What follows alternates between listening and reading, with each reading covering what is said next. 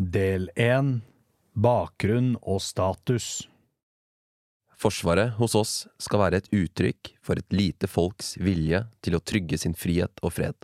Den følelsesmessige appell må ligge i de samfunnsmessige verdier som det norske folk har skapt.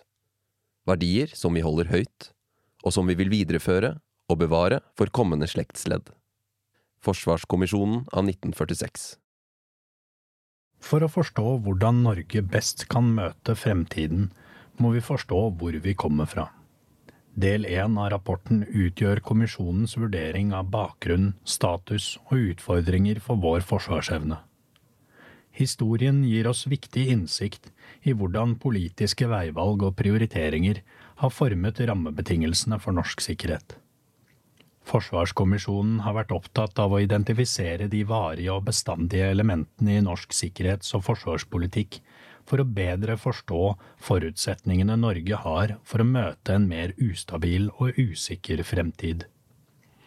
Kapittel to setter norsk sikkerhets- og forsvarspolitikk i historisk perspektiv.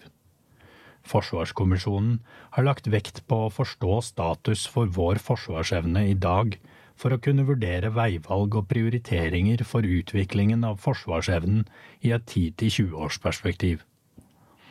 I kapittel 3 gir kommisjonen en situasjonsbeskrivelse og vurdering av hvordan det står til med Forsvarets egenevne, status for totalforsvaret og det sivil-militære samarbeidet, og til slutt tilstanden for vårt internasjonale samarbeid på det sikkerhets- og forsvarspolitiske området.